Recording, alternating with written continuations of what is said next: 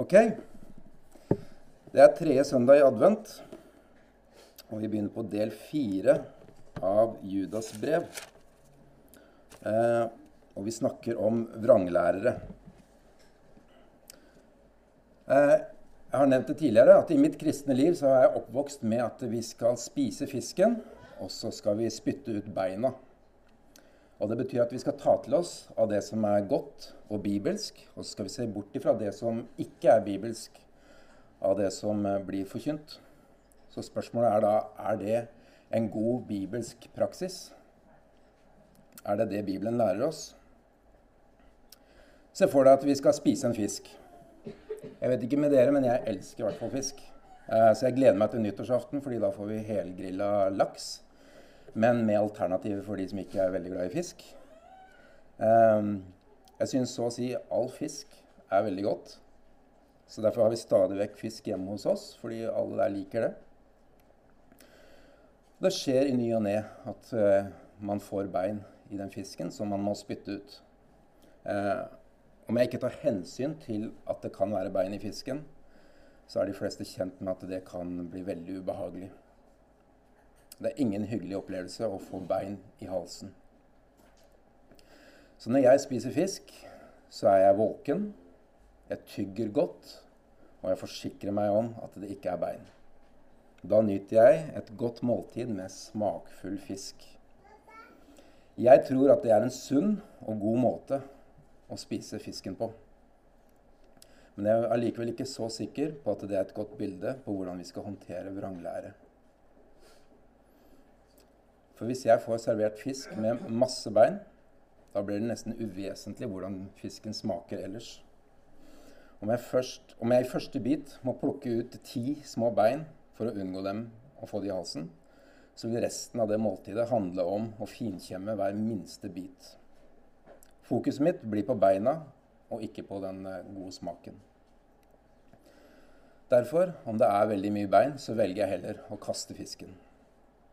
Hvis alternativet hadde vært å sitte og finkjemme fisken for bein før jeg putter den i munnen, så og jeg ender opp da å sitte med det så lenge at fisken blir kald.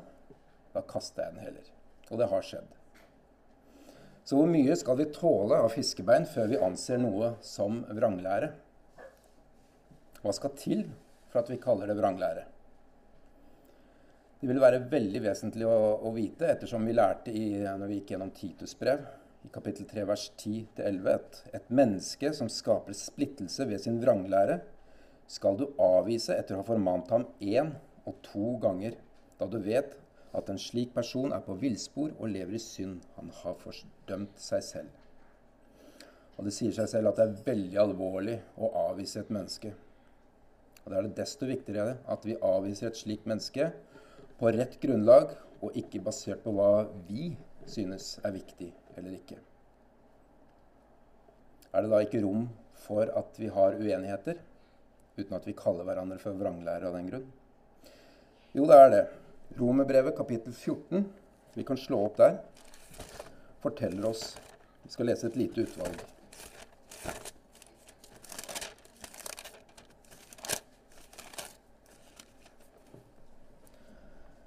Der står det fra vers 1. Dere skal ta dere av dem som er svake i troen men ikke for å sette dere til doms over forskjellige meninger.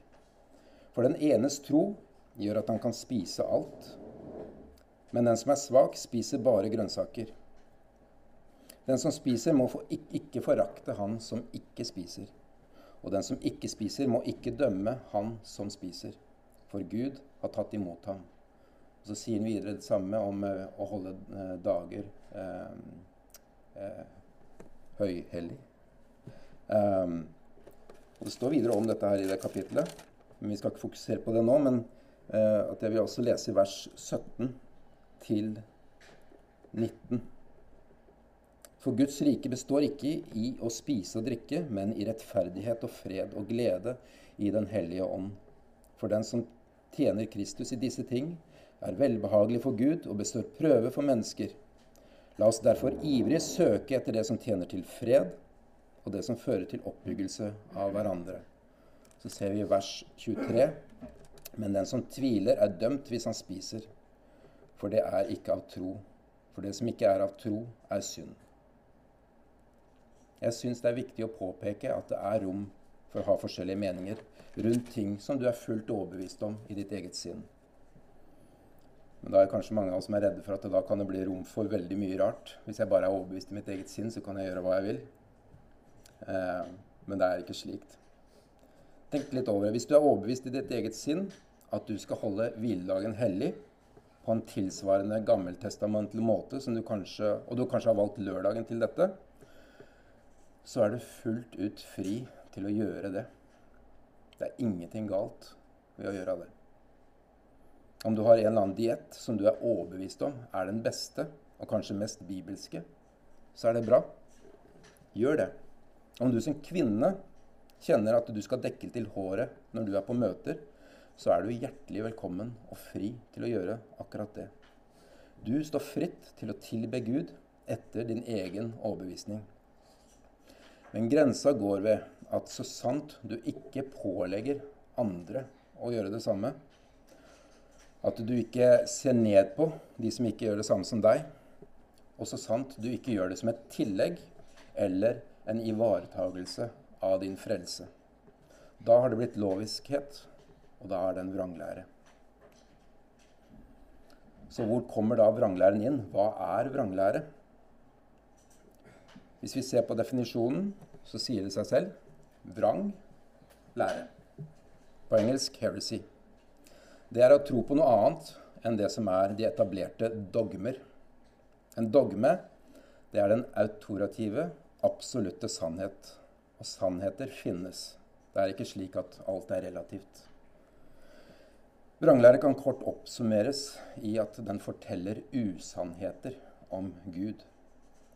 Og Det finnes flere akademiske måter å definere det på, men jeg synes at denne er veldig passende. Og Dermed så betyr det ikke så mye fra eller til om du ønsker å holde sabbaten hellig, og eventuelt tildekke ditt hode under gudstjenesten. Så hva er vrang lære? Alt, absolutt alt som ikke er sant, er vrang lære. For det finnes kun én sannhet. Det finnes kun ett riktig endetidssyn en riktig dåp, et riktig syn på nådegaver osv. Men de er ikke av essensiell natur. Eh, de er viktige, men de påvirker ikke sannheten om Guds karakter og hans frelsesvei. Jesus sier i Johannes kapittel 8, vers 24.: For dersom dere ikke tror at jeg er, skal dere dø i deres synder. Og da sier Jesus sjøl at han er Gud. Han sier også at ingen kommer til Faderen uten gjennom han. Så dette er da dogmer som er ufravikelige, og som det henger advarsler mot å benekte. Det er en forbannelse å forkynne noe annet. Det er et annet evangelium å si noe annet. Om du f.eks. sier at det finnes flere veier til Gud enn gjennom Jesus, eller i det hele tatt antyder at det ikke er et klart skrevent prinsipp i Bibelen at ingen kommer til Faderen enn gjennom Jesus. Da kan vi kalle deg for en vranglærer. Hvis du kaller deg for en pastor, da er du kalt til å tale hele Guds råd. Men hvis du da nekter å snakke om synd, så er du en vranglærer. Å gi uttrykk for at synd ikke er en del av frelsesveien, det er å direkte lede mennesker på avveie. Om det så kunne, kun finnes ett fiskebein i den matretten som blir servert, og det ene fiskebeinet er at den forkynner og lærer at Jesus ikke er Gud, ville du da virkelig tatt deg tid til å lytte til resten av det han har å si? Eller ville du latt være å kalle ham en vranglærer fordi det er kun 1% av det han sier, som ikke er bra? Det er direkte vranglære. Og det er en fordømt vranglære. Det å si at Jesus ikke er Gud, er å lære bort en usannhet om Gud. Og usannheter om Gud leder mennesket på avveie. Og det er alvorlig. Svært alvorlig. Så Derfor så tror ikke jeg bildet om den fisken og fiskebein passer så bra i sammenheng med vranglærere. Før vi leser i teksten, så skal vi be litt. Kjære Gud, jeg trenger din hjelp gjennom Din Hellige Ånd. Dette er et alvorlig tema, og et tema som eh, man bør vandre forsiktig. Så jeg ber Herre om at du hjelper meg, leder meg, gir meg ydmykhet til å være forsiktig og, til å kunne se hvis jeg eh, taler vrangt. Jeg ber om at du hjelper eh, alle de som hører på, til å ha åpne øyne og ører og være i stand til å skjelne, Herre, og til å formane meg og tilbakevise det jeg sier, hvis jeg eh, ikke taler noe fra Guds ord. Gi oss alle sammen, Herre, frimodighet til å stole på ditt ord, til å rettlede hverandre eh, i kjærlighet, og til å stå sammen som én kropp, fordi vi ser stykkevis, og vi trenger hverandre for å få det hele og fulle bildet. Jeg ber nå, Herre, om at når vi går inn i et tema om vranglære, at du allikevel, Herre, lar det være til eh, oppmuntring eh, og til glede for de som hører på. Jeg ber om det i Jesu navn. Amen. Vi slår opp i Judas brev, og jeg leser hele, hele brevet. Men i dag så skal vi se nærmere på vers 11. Judas, Jesu Kristi tjener og Jakobs bror, til dem som er kalt, helliget av Gud Fader og bevart i Jesus Kristus. Må miskunn, fred og kjærlighet bli dere rikelig til del. Dere kjære, samtidig med at jeg var meget opptatt med å skrive til dere om vår felles frelse, fant jeg det nødvendig å skrive til dere for å formane dere til å stride alvorlig for den tro som en gang for alle ble overgitt til de hellige. For noen mennesker har sneket seg ubemerket inn, slike som for lenge siden ble oppskrevet til denne dommen. De er ugudelige, som forvender Guds nåde til løsaktighet og fornekter den eneste Herre Gud og vår Herre Jesus Kristus.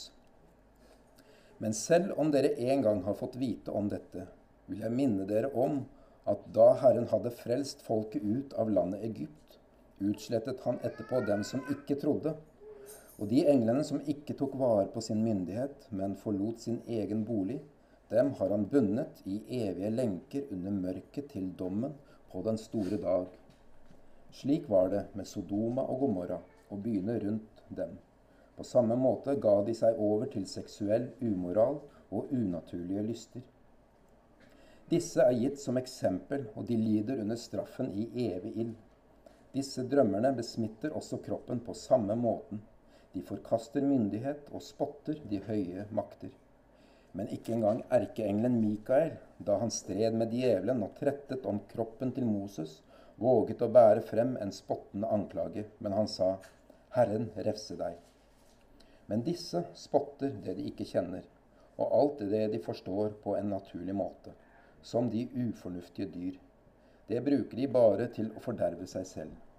Ved dem, for de har gått inn på Kains vei.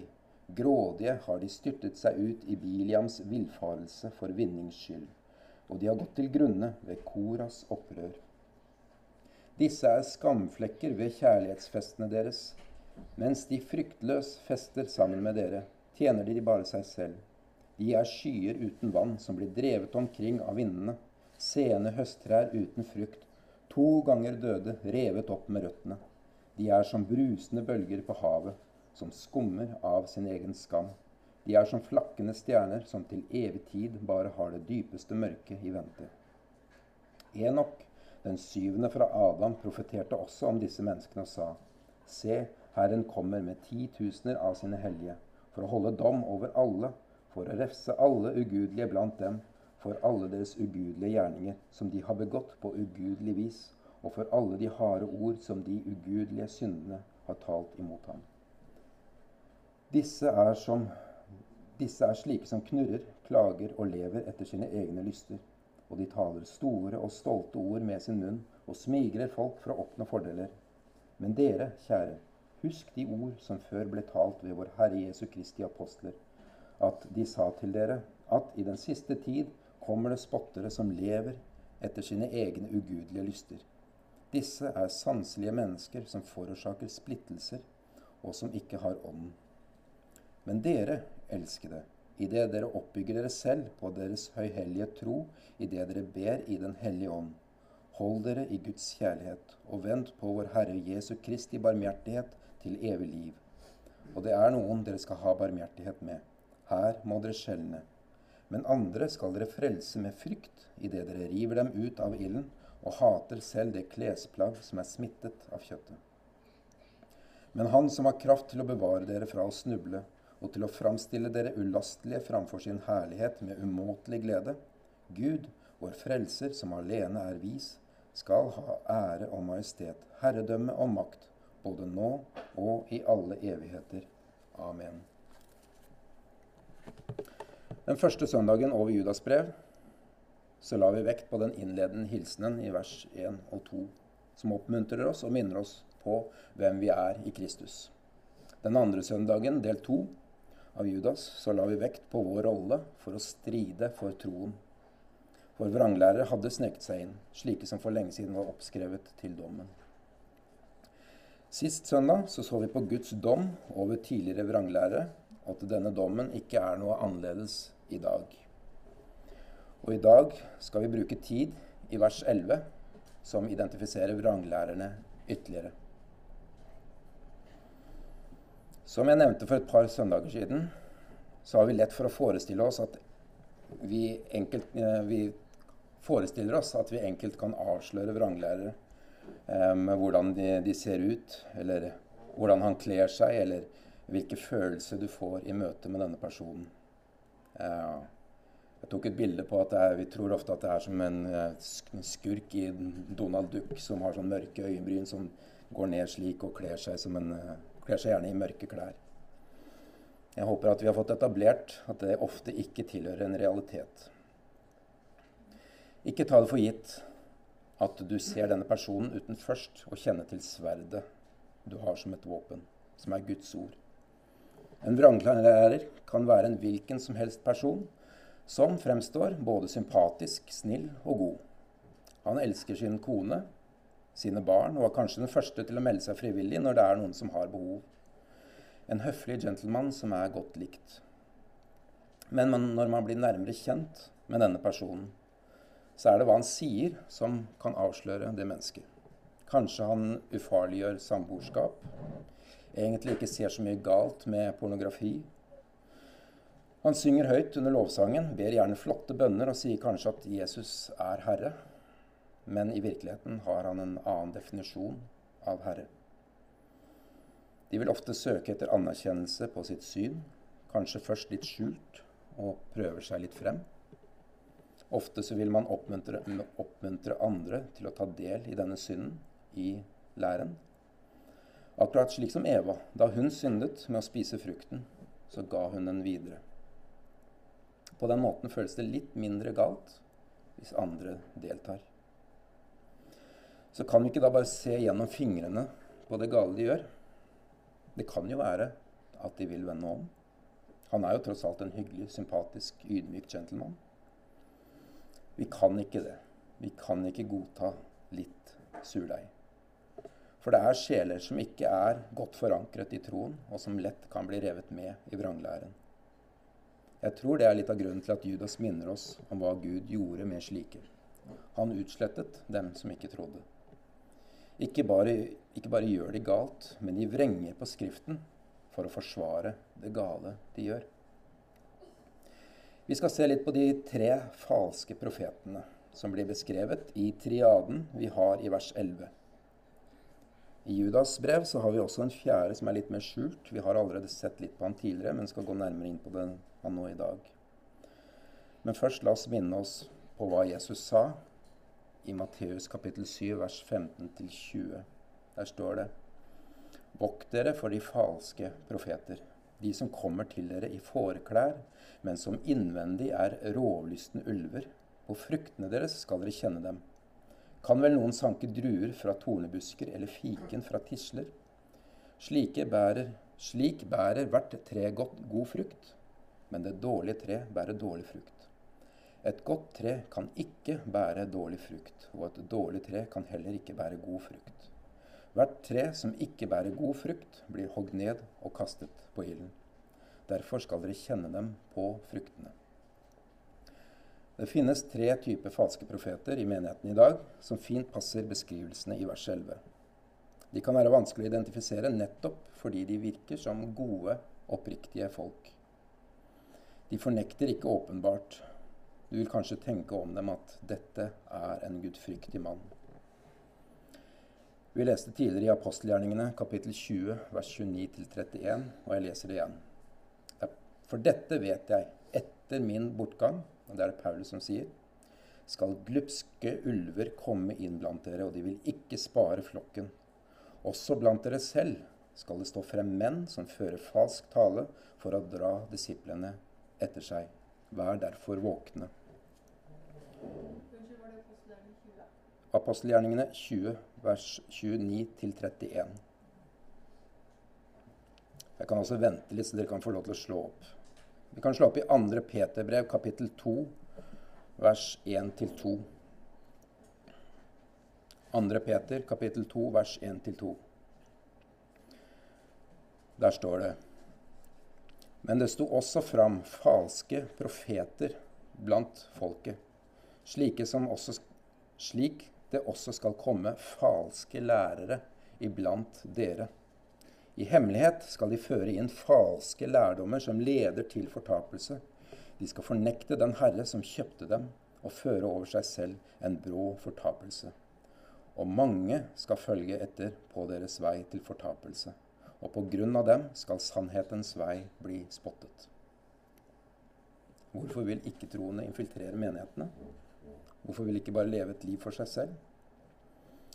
Men hvis Guds ord sier at de er der, eller her, så er de det. Vi ser i vers 11 på tre typer falske profeter.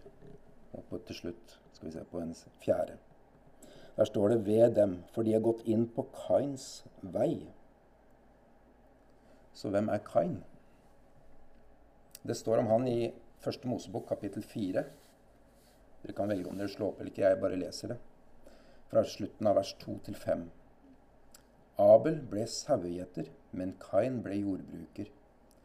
Etter en tid skjedde det at Kain brakte Herren et offer av markens grøde. Abel brakte også et offer av det førstefødte av småfeet sitt og av fettet på dem. Herren så med velbehag på Abel og hans offer, men på Kain og hans offer så han ikke med velbehag. Da ble Kain meget vred og slo blikket ned. Et par vers senere så dreper han sin bror Abel. Det at de plutselig brakte Herren et offer, tyder på at de hadde fått en eller annen form for direksjon om hvordan de skulle ofre. Men her er en veldig tydelig forskjell på ofrene de gav. Abel brakte et offer av det førstefødte av småfe. Et dyreoffer som han selv ikke eh, kunne ta ære for hvor blod var blitt spilt, hvor noe, noe som er et bilde mot Jesus. Et offer som ble gitt ved tro, slik det står om i Hebreerbrevet kapittel 11 vers 4. Kain brakte det som han hadde produsert ved sitt eget arbeid, sin egen gjerning, for å tilfredsstille Gud. Så typen av Kains falske profeter er de som lærer frelse gjennom gjerninger fremfor gjennom lammets blod. Det er mange som lærer dette i dag. Paulus tar et tydelig oppgjør med dette gjennom Galaterbrevet, om forbannelsen over de som har et annet evangelium. Det å si at vi må bidra i vår egen frelse, det er et annet evangelium. For det står i Efeserbrevet kapittel 2, dere kan slå opp i det, vers 8 til 10. Efeserbrevet kapittel 2, vers 8 til 10. De fleste kjenner til det. Der står det for av nåde er dere frelst ved troen. Og det er ikke av dere selv. Det er Guds gave, ikke av gjerninger, for at ikke noen skulle rose seg. For vi er Hans verk, skapt i Kristus Jesus til gode gjerninger, som Gud har gjort ferdige på forhånd for at vi skulle vandre i dem. Absolutt alle andre religioner forkynner gjerninger som en vei til frelse. Og det er en lovisk vei. Blant disse så har vi katolikker som faller i denne kategorien. Jeg tror at det finnes mennesker blant katolikkene som er frelste. Mennesker som har fått sine øyne åpnet for nådens evangelium og, og forstått, fått åpenbart Guds ord på dette området. Men det vil være fullstendig umulig for en som tror på den offisielle romersk-katolske lære, å være født på ny. Man kan ikke være kristen og tro på den offisielle romersk-katolske lære. Foruten helgen og Maria-dyrkelse så forkynner de en gjerningens evangelium. De er fantastiske flinke til å forsvare og forklare treenigheten. Ofte mye flinkere enn det vi er. De er også urokkelige i sitt klassiske syn på homofili og abort, områder mange andre firer på for å oppnå anerkjennelse i verden. Men offisiell romersk-katolsk lære er allikevel vranglære og leder mennesker til fortapelse. Som et eksempel i nyere tid, for ikke så lenge siden, paven, katolikkenes overhode, har sagt at ateister kommer til himmelen om de døper barna sine. Jeg er ganske sikker på at dere klarer å skjelne her. Men det er ganske mange som ikke leser selv, og som ikke kan skjelne. Når da det sies av en som har en selverklært autoritet, så vil det være mange som tror at det er det som er forutsetningen for å komme til himmelen. Gjør du den gjerning av å døpe dine barn, så anerkjenner du kristen, nei, Kirkens institusjon, og det skal liksom da være godt nok å komme til evig liv.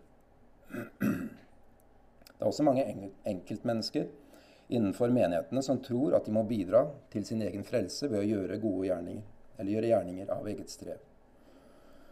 Og jeg lurer på om ikke de fleste av oss her også har hatt noen slike tendenser. Jeg har i hvert fall helt klart hatt slike nykker, spesielt da jeg ble nyfrelst. Så det er absolutt mulig å tro det for en stund, at, og man lar seg forlede til å tro at man må bidra sjøl. Men man vil da la seg rettlede med Skriften. Ikke slik som Kain, som slo blikket ned. Vi ser videre i vers 11.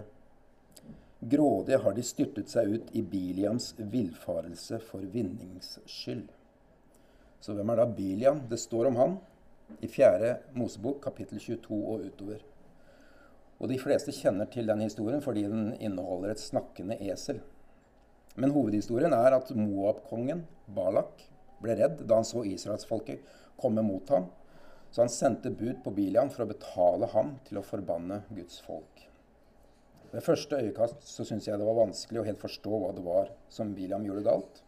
For det virka som om han lyder Gud.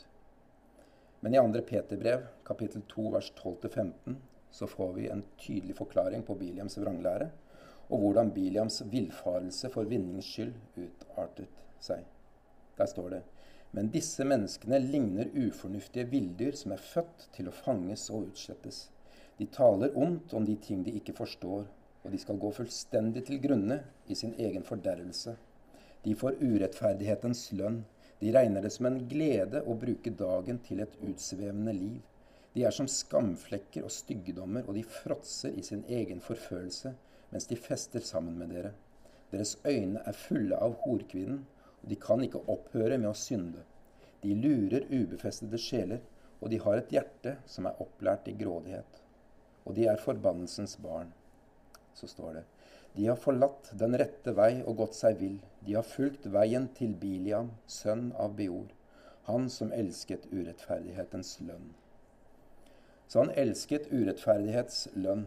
Han var grådig for vinnings skyld. Man gjør ting som ikke er i samsvar med Guds ord, og man har urettmessig vinning som drivkraft.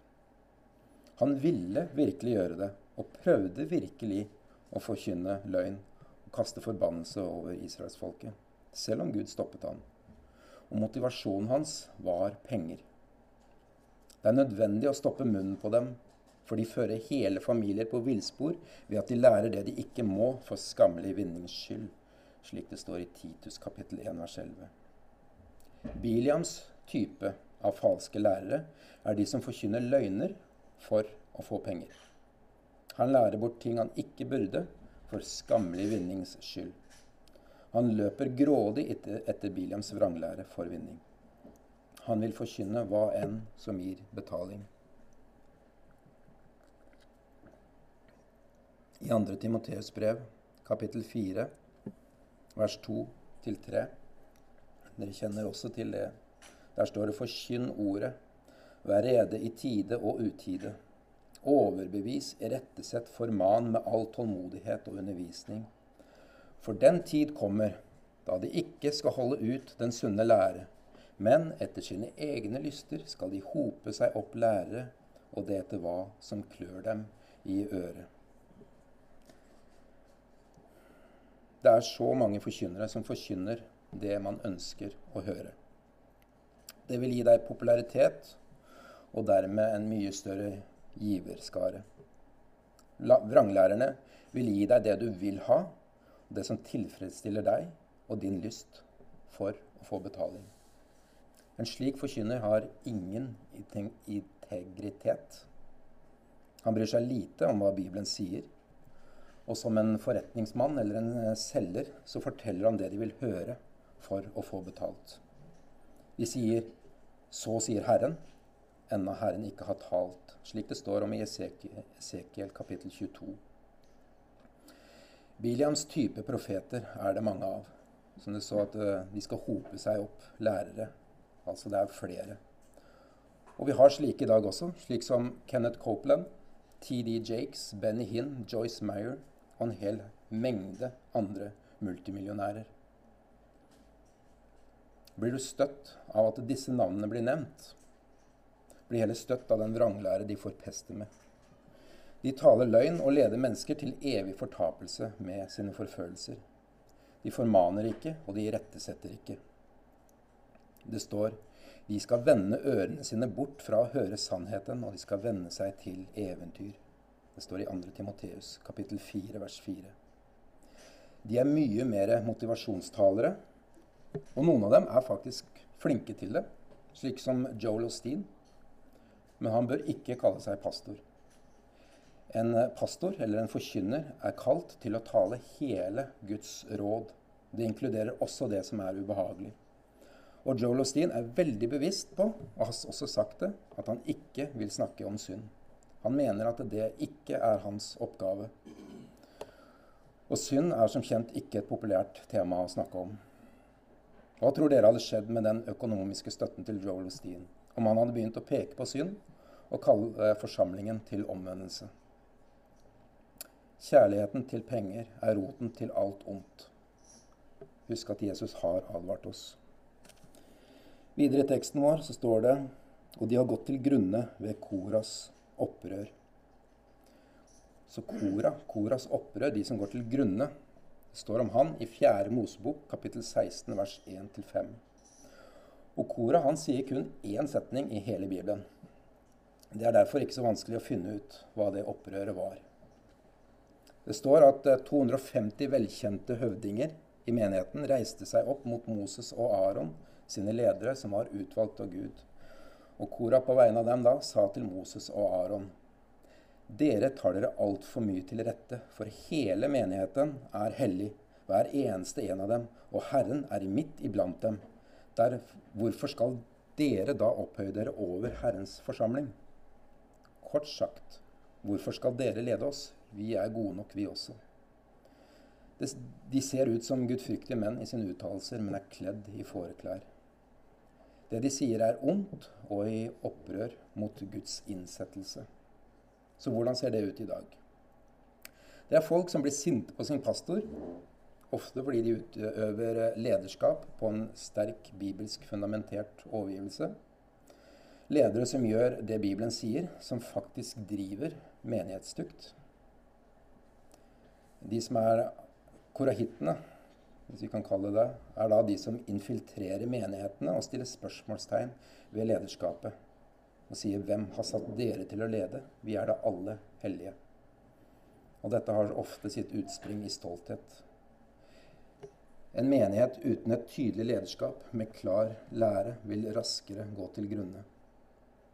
Da jeg ble frelst, så, så hadde jeg problemer med autoriteter. Eh, spesielt sånn som politiet og, og lignende.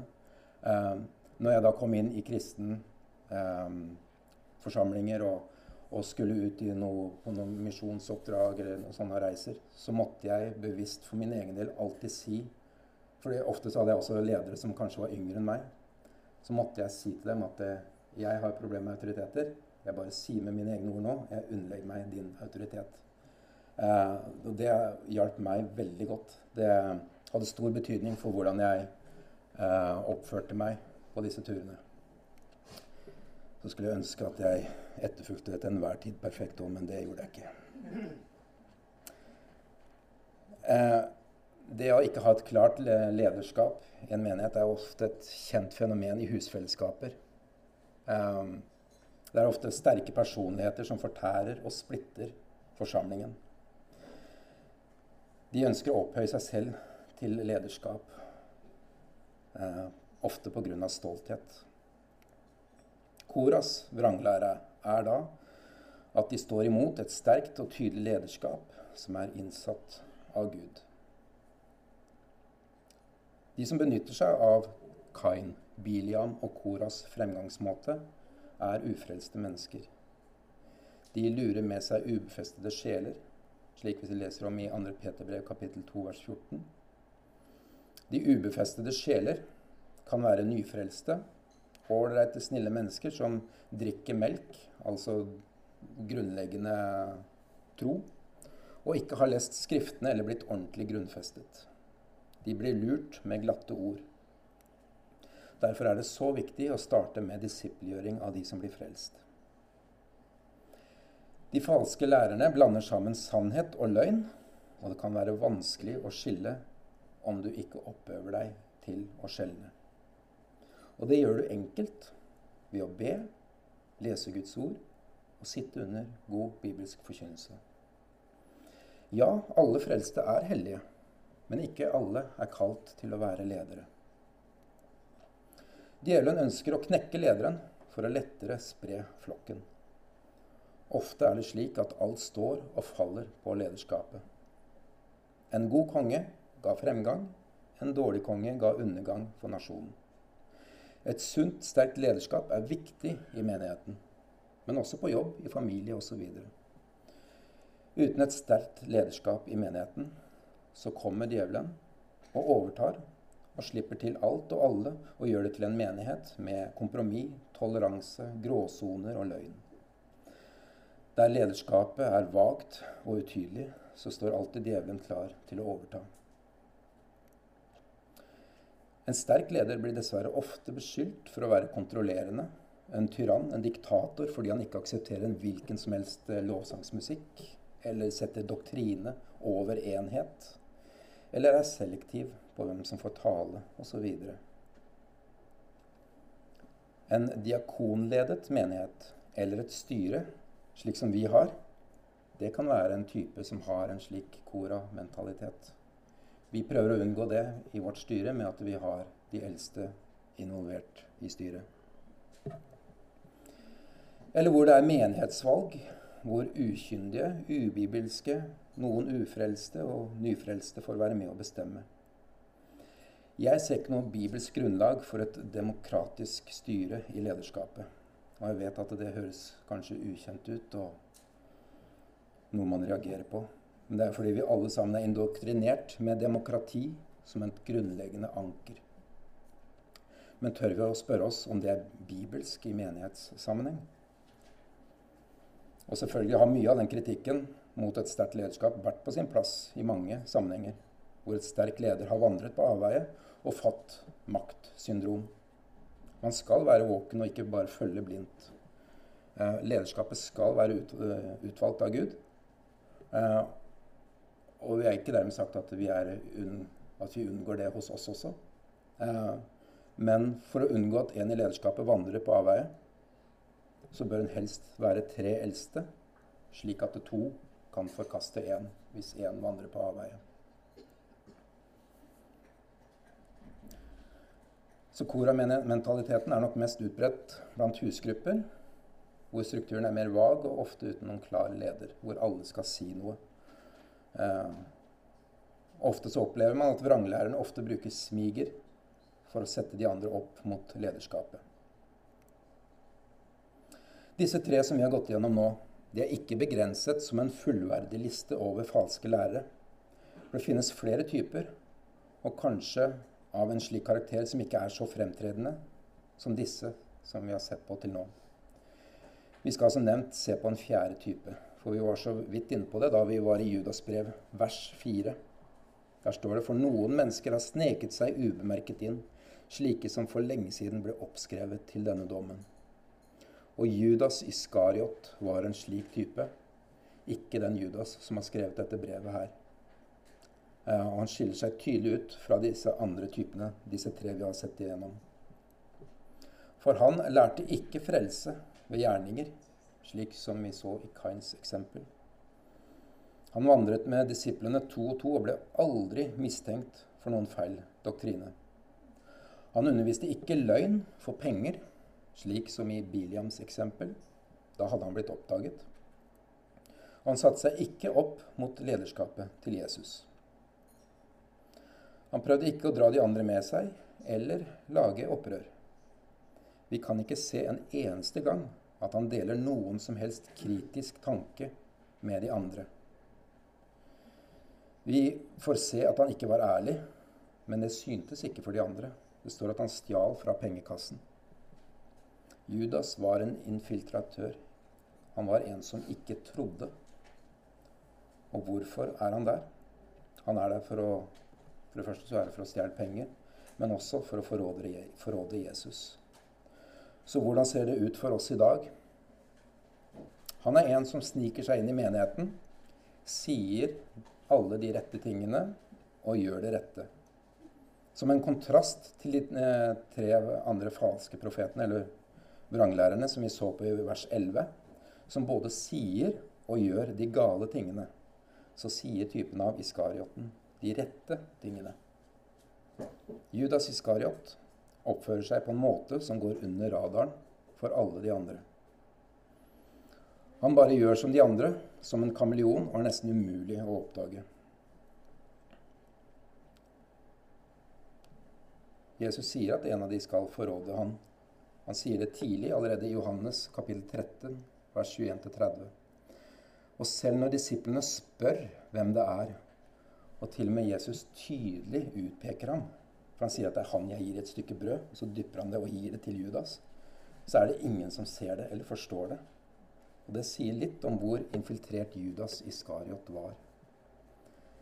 Selv om de nærmeste ikke, selv de nærmeste klarte ikke å se det.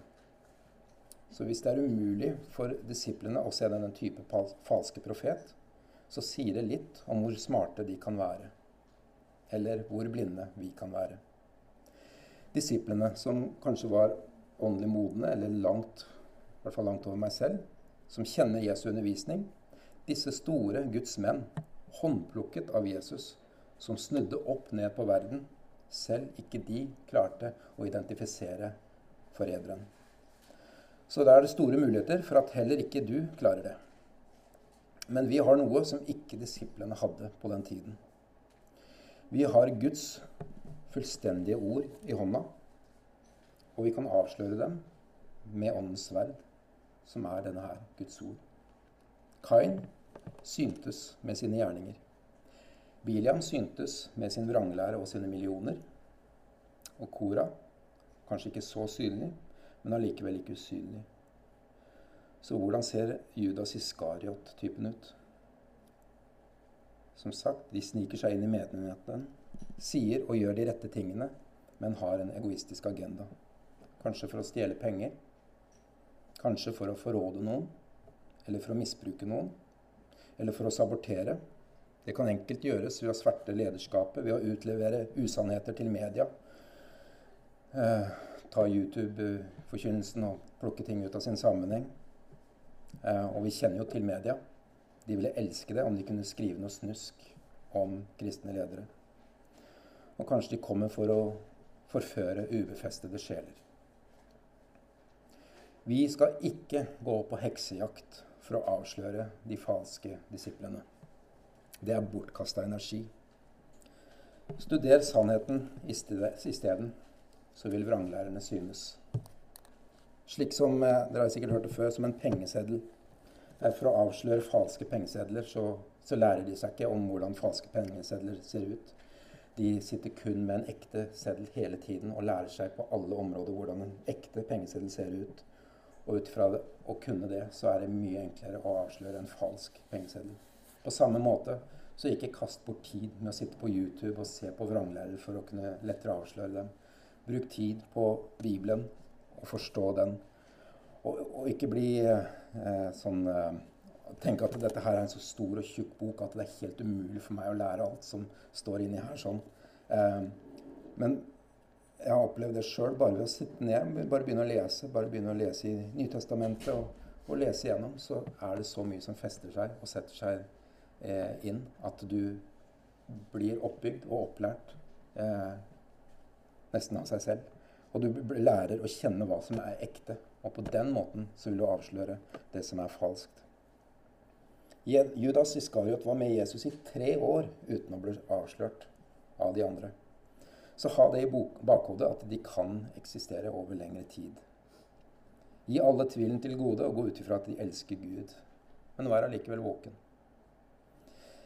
Jeg er pålagt å presentere sannheten til dere etter beste evne. Og sannheten, det er det som står i Guds ord. Og tilsvarende så er jeg pålagt å avsløre løgn etter beste evne. Hvis jeg skulle tro noe oppriktig som ikke er sant, og jeg presenterer det for dere, så lyver jeg ikke. Selv om det er en usannhet, en løgn. For løgn består av en intensjon om å forføre. Så hvis jeg tar feil, men uten intensjon om å forføre, så synder jeg ikke, selv om jeg forteller en løgn. Men det er fortsatt en vranglære som kommer ut av munnen min. Og da er det godt at vi har hverandre. Og derfor er det viktig å påpeke vranglæren. Om min intensjon er bibelsk sannhet, så vil jeg omvende meg ved bibelsk formaning fra en av dere. Om intensjonen min er å forføre, selv om den ikke nødvendigvis er på, bevisst på vegne av Satan, så vil jeg neppe omvende meg, og hvis stoltheten min eh, hindrer meg. Min ærlige forståelse, tolkning og åpenbaring av Skriften gjør at jeg forkynner utvelgelse, predestinasjon, bevarelse og syndeforderv. Men det kan være at jeg tar feil i det. Og det er ikke slik at mennesker går fortapt om de ikke tror de, på de samme tingene som meg. Og det er heller ikke slik at mennesker blir frelst av å tro på den reformerte lære. Men mennesker vil gå fortapt om de tror på gjerninger som et middel til frelse, eller tror at det finnes andre veier til Gud, eller forkynner et annet utvannet evangelium, eller synder bevisst på nåden slik at nåden blir enda større uten å omvende seg. Det er et annet evangelium og leder til fortapelse. Kjærlighet er å si sannheten. Sannheten er at alle har syndet det er derfor ikke å dømme om man peker på synden og kaller til dem til omvendelse. Jeg har merka det sjøl hvis jeg er ute på gata og, og, og roper ut at eh, dere er syndere, så er det mange som reagerer med klør med en gang. Men i det øyeblikket jeg sier at det, men jeg er jo også en stor synder, så mildner man. Eh, det å høre ordet synd er en, noe som uh, terger mange. Og ofte også derfor mange ikke forkynner det fordi man ønsker ikke å provosere. Det var ut av ren kjærlighet at Gud sendte sin sønn til å dø på et kors for å tilfredsstille den straffen som du fortjente. Han sonet straffen for deg. Den kjærligheten du da kan gi, er å kalle mennesker til omvendelse fra syndene. Hvis du ikke gjør det, hvordan skal de da få vite om det? At de trenger å omvende seg. Å peke på synd i kjærlighet er ikke å dømme. Vi skal absolutt ha toleranse. Og vi bør ha toleranse for de ikke-kristnes uvitenhet. Men det innebærer ikke toleranse for synd. Så ikke undervurder noen omstendighet. Ikke under noen omstendighet så kan vi ha det innenfor i det kristne livet. Men vi kan da ha eh, forståelse om noen forkynner synd, hvis det er av uvitenhet, at de selv ennå ikke har forstått det. Jeg trenger hjelp av dere til dette her. Vi trenger hverandre som en stor del av kroppen. Jeg vil lese fra Feserbrevet kapittel 4, vers 15 til 16. Der står det i forbindelse med det at vi er lemmer på kroppen. Men sannheten, tro i kjærlighet, skal vi i alle ting vokse opp til Ham som er hodet, Kristus. Ut fra Ham blir hele kroppen sammenføyd og holdt sammen ved den oppgaven som enhver ledd har, etter virkningen av den styrke som er gitt hver del. Dette skaper vekst for hele kroppen til sin egen oppbyggelse i kjærlighet. Vi begynte med et bilde på å spise fisken og spytte ut beina. Som jeg sa, så syns jeg ikke det bildet er beskrivende nok. Noen ville kanskje tatt seg tid til å prøve å finne alle beina for å kunne spise den gode delen, den som smaker godt. La meg heller endre litt på bildet. Istedenfor at vranglæren skal være beina i fisken, La oss heller anse vranglæren for å være rotten, en råtten, illeluktende del av fisken. Vil du da kaste bort tid på å spise det som er friskt og godt? Om du er et sunt, oppegående og mentalt friskt menneske, så ville du ha kasta den fisken om den var råtten på den ene siden. Dette bildet om fisken synes jeg passer dårlig i hvordan vi skal møte vranglære. Det opprinnelige bildet. Men bildet om at den er råtten, kan passe. Men dette bildet om å plukke ut beina i fisken, det er et godt bilde når vi hører på sunne forkynnere som kanskje har en litt annen teologi enn deg selv. John MacArthur, R.C. Sproul, John Piper og andre lignende gode forkynnere er ikke perfekte i sin teologi. Heldigvis, for da er det håp for meg også. La oss helt til slutt slå opp i Gamle Testamentet. Så skal vi lese en slags oppsummering av det vi har snakka om hittil. Hvis vi slår opp i Esekiel kapittel 22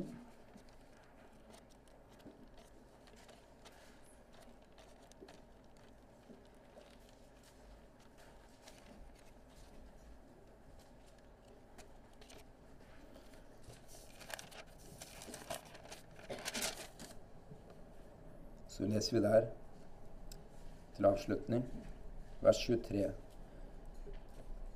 til 28. Igjen kom Herrens ord til meg, og det lød slik. Menneskesønn, si til henne, du er et land som ikke er renset, og som heller ikke har fått regn på vredens dag. Sammensvergelse av hennes profeter i hennes midte er som en brølende løve som river byttet i stykker. De fortærer menneskeliv, de tar skatter og kostbare ting. De gjør mange til enker midt i henne. Hennes prester gjør vold på min lov, og de vanhelliger mine, og de vanhelliger mine helligdommer. De skiller ikke mellom hellig og vanhellig, og de lærer ikke å skjelne mellom det urene og det rene. De har lukket sine øyne for mine sabbater, slik at jeg blir vanhelliget iblant dem. Hennes ledere midt i henne er som ulver som river i byttet, så de kan utøse blod, så de kan ødelegge sjeler, og for at de kan skaffe seg urett vinning. Hennes profeter pusser over dem med kalk. De ser falske syner og spår løgn for dem. De sier så sier Herren Gud, ennå Herren ikke hadde talt. I alt dette så la oss minne oss om introduksjonen, hvor brevet er skrevet til de som er kalt, elsket i Gud Fader og bevart i Jesus Kristus. Vi har ingenting å frykte i møte med vranglæren så lenge vi er våkne og at vi strider alvorlig for den tro som en gang for alle har blitt overgitt til oss. La oss be. Kjære Gud. Vi er mennesker, og eh, ute av stand i vår egen kraft til å skjelne og til å gjøre alt dette etter ditt ord, Herre. Vi trenger din hjelp. Og jeg takker Herre, for at du vil hjelpe oss. Du vil lede oss med din Hellige Ånd. Gjøre oss i stand til å skjelne. Eh, gjøre oss i stand til å forkaste de ting som ikke er fra deg, Herre, som ikke er av ditt ord. Herre, jeg ber om at du også må minne oss på den frelsen som vi har i deg. Det fantastiske som du har gitt oss. En eh, frelse av bare nåde, fullstendig ufortjent. Takk for at du har kalt oss, Herre, og at vi er elsket i deg, og at vi er bevart i deg. Takk for at vi ikke kan gjøre noen ting fra eller til for å bevare vår frelse. Kjære Gud, jeg ber om at du må minne oss på alle de løftene du har gitt oss om at du er med oss, at du aldri vil forlate oss, at du vil bevare oss. Jeg takker deg for den tryggheten som vi har fått i deg, som gjør at vi med frimodighet kan si 'Abba, far'. Jeg ber om at du velsigner enhver som er her i dag, og velsigner også resten av det møtet. I Jesu navn.